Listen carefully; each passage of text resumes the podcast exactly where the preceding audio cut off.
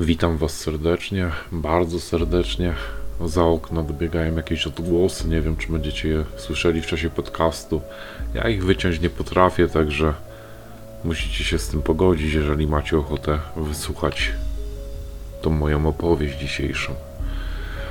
No, u Was w Polsce, w Polsce, u Was, z tego co widziałem ostatnio, słucha mnie E, Słuchają mnie osoby w ośmiu krajach, na dwóch kontynentach, to takie u was w Polsce to troszeczkę z mojej strony nadużycie, no ale wybaczcie. Tam, tam w Polsce, tam w Polsce zima. Na zdjęciach piękna, zacna zima. Tęsknię za taką tutaj w Anglii. No też rękę się za okno wystawiam, to czuć, że deszcz się chłodniejszy zrobił, także mamy, mamy zimę również. No ale przechodzimy do tematu dzisiejszego, dzisiejszego podkaściku. Mm, Tak wam powiem, że rok jakoś, jakoś się zaczął mi opowiadaniami o ludziach, którzy odeszli. Dopiero co był pan Michał Sumiński, a już kolejna rocznica. Rocznica śmierci mm, stawia, stawia przede mną zadanie opowiedzenia wam historii następnego bardzo interesującego polskiego podróżnika, e, przyrodnika, który swoją miłością do natury zarażał innych. Myśliwemu, któremu strzelba nie była myśliwego, któremu strzelba nie była obca, ale tak naprawdę sztukę uczynił z łowów bezkrwawych. Fotografa i filmowca, e, którego dzieła zachwycały, choć niemal wszystkie, tylko z nielicznymi wyjątkami były czarno-białe, bo nasz dzisiejszy bohater był daltonistą. Ech, I na koniec był, jak wspominałem wcześniej, podróżnikiem. Podróżnikiem, którego szczątki spoczęły w lodach na wyspie Króla Jerzego, a miejsce jego spoczynku zostało wpisane na listę obiektów historycznych Antarkty a, Antarktyki e, pod numerem 51. Włodzimierz Puchalski. Bo o nim chcę Wam dzisiaj opowiedzieć. Na świat przyszedł 6 marca 1909 roku e, w miejscowości Mosty Wielkie. Jego ojciec, podobnie jak później e, Włodzimierz i jego brat, bo, bo było ich dwóch braci, mm, ojciec Włodzimierza pasjonował się fotografią. Zarówno zwierząt, jak i krajobrazów. Od 13 roku życia jego syn Włodzimierz, o którym rozmawiamy, polował na zwierzęta, a w polowania za, pa- polowania z aparatem rozpoczął rok później, w wieku lat 14, kiedy w prezencie od dziadka dostał aparat fotograficzny. Pamiętajcie, że w tamtych czasach w życiu były głównie niespecjalnie takie poręczne aparaty mieszkowe. To nie były, to nie były późniejsze smieny, nawet to były takie grzmoty. E, Żeby robić nim zdjęcia, trzeba było wyciągnąć taki składający się z jakiegoś materiału elastycznego mieszek. e, Na nim dopiero był montowany obiektyw. Te aparaty miały tą zaletę, że mogły robić zdjęcia dużo formatowe. No ale poręczne to one nie były. Były niedokładne i nieporęczne. E, Kwestie ciemni od czynników różnie, również wtedy wyglądały zgoła inaczej niż obecnie. No, a jednak Puchalski się zaszczepił. I choć jego edukacja w początkowej fazie pozwalała przypuszczać, że Włodzimierz pójdzie w innym kierunku, e, bo ukończył Wydział Rolniczo- Rolniczo-Leśny Akademii Rolniczej e, w Dublanach jako inżynier agronom. Wtedy jeszcze coś takiego funkcjonowało. Miłość do fotografii wzięła, wzięła w nim górę nad zamiłowaniem do spraw tych rolniczo-leśnych.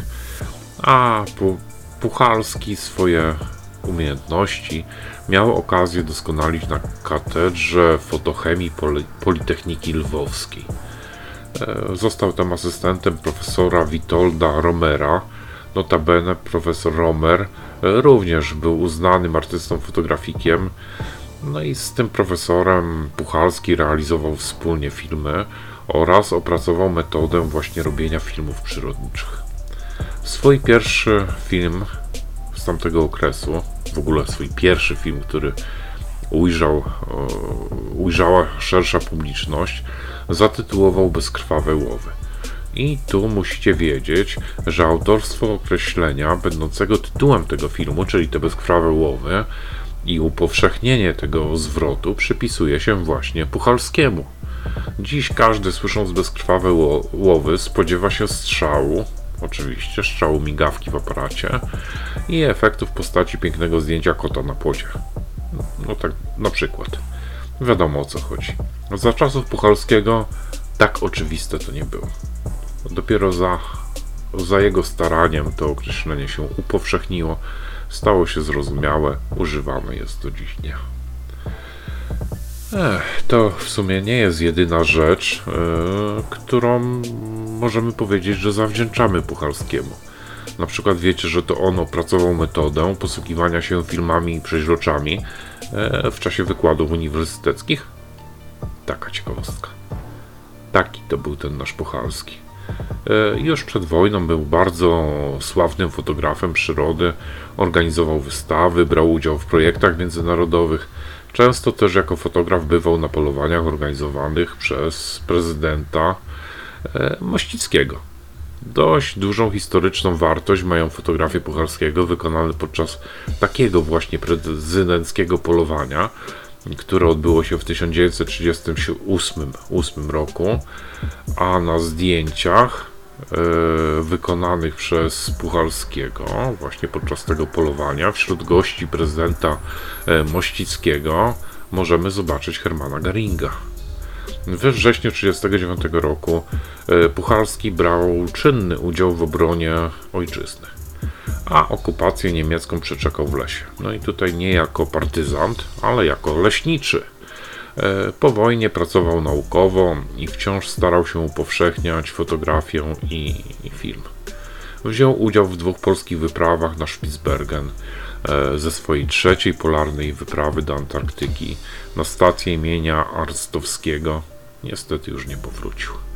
Nakręcił 19 filmów dokumentalnych o tematyce przyrodniczej, napisał 22 książki o tematyce przyrodniczej i fotograficznej. Zdobył liczne prestiżowe nagrody w konkursach fotograficznych i filmowych, zarówno w Polsce, jak i na świecie, a jego imieniem nazwano lodowiec Puchalskiego na wyspie Króla Jerzego w pobliżu miejsca jego śmierci. Wiecie, podziwiam ogrom pracy włożony przez tego człowieka, zarówno w rozwój filmu i fotografii, jak i ogromną wrażliwość, jaką przesycona jest jego twórczość. E, twórczość dokumentująca oszałamiające piękno, twórczość dokumentująca oszałamiające piękno przyrody. Dziś każdy z nas może odpalić komórkę na widok ciekawego ptaszka. Machnąć serię fotek, zoomować to wszystko, powiększyć ruchem palca, przejść ruchem palca w tryb filmowania, jak robiono to dawniej, nie wyobrażam sobie. Sprzęt był ciężki Dużo różnych rzeczy można o nim powiedzieć, ale nie to, że był wygodny. W połowie lat 80. miałem okazję w Miejskim Domu Kultury trafić do tak zwanego AKMF-u. E, amatorskiego klubu filmowego. Pracowałem na sprzęcie filmowym podobnym do tego, na jakim pracowali Włodzimierz Puchalski, na przykład Tony Halik. Nie jestem, zwyczajnie nie jestem w stanie sobie wyobrazić, ile trzeba było cierpliwości, żeby na czymś takim uwiecznić dzikie zwierzęta w naturalnym środowisku. Te kamery były głośne, trejkotały. E, nie sądzę, żeby pan Puchalski na przykład filmował głuche zwierzaczki. Jak to robił? Pozostaje dla mnie zagadką. Człowiek musiał się trochę nakręcić obiektywami w tym sprzęcie, żeby złapać ostrość, ustawić przesłonę, czas, nakręcić sprężynę, bo to sprężyna dawała napęd kamerze. I nim zrobił jakieś tam mega ujęcie, ponownie trzeba było nakręcać tą sprężynę. W zwykłej kamerze 8 mm nakręcanie sprężyny pozwalało średnio na, ja wiem, minutę, półtora pracy. Półtora może minuty, no niech tak będzie. No i tutaj troszkę odejdę od tematu. Wspomniany wcześniej Halik, wyobraźcie sobie, filmował ludzi pierwotnych, dzikie plemiona. Pamiętacie to z jego filmików, prawda? No i wiecie, jaka jest mentalność takich dzikich ludzi. Kiedy Tony puszczał w ruch sprężynę, nie może być inaczej, jego modele, ci dzicy, nazwijmy to tak w cudzysłowie, musieli rzucać wszystko, co robili w cholerę i zapewne starali się zobaczyć, co tak e, i trajkocze zanim przywykli i wrócili do normalności, umożliwiając zrobić takie naturalne ujęcia, kamera się wykręciła i trzeba było ją ponownie nakręcać, potem ustawiać, start, a nasi, nasze obiekty rzucają wszystko i znów się rozglądają co tak cyka. Ale to musiała być jazda. jak oni kręcili tak naturalne sceny. W głowie mi się to nie mieści, może wy wiecie. No ja niestety nie.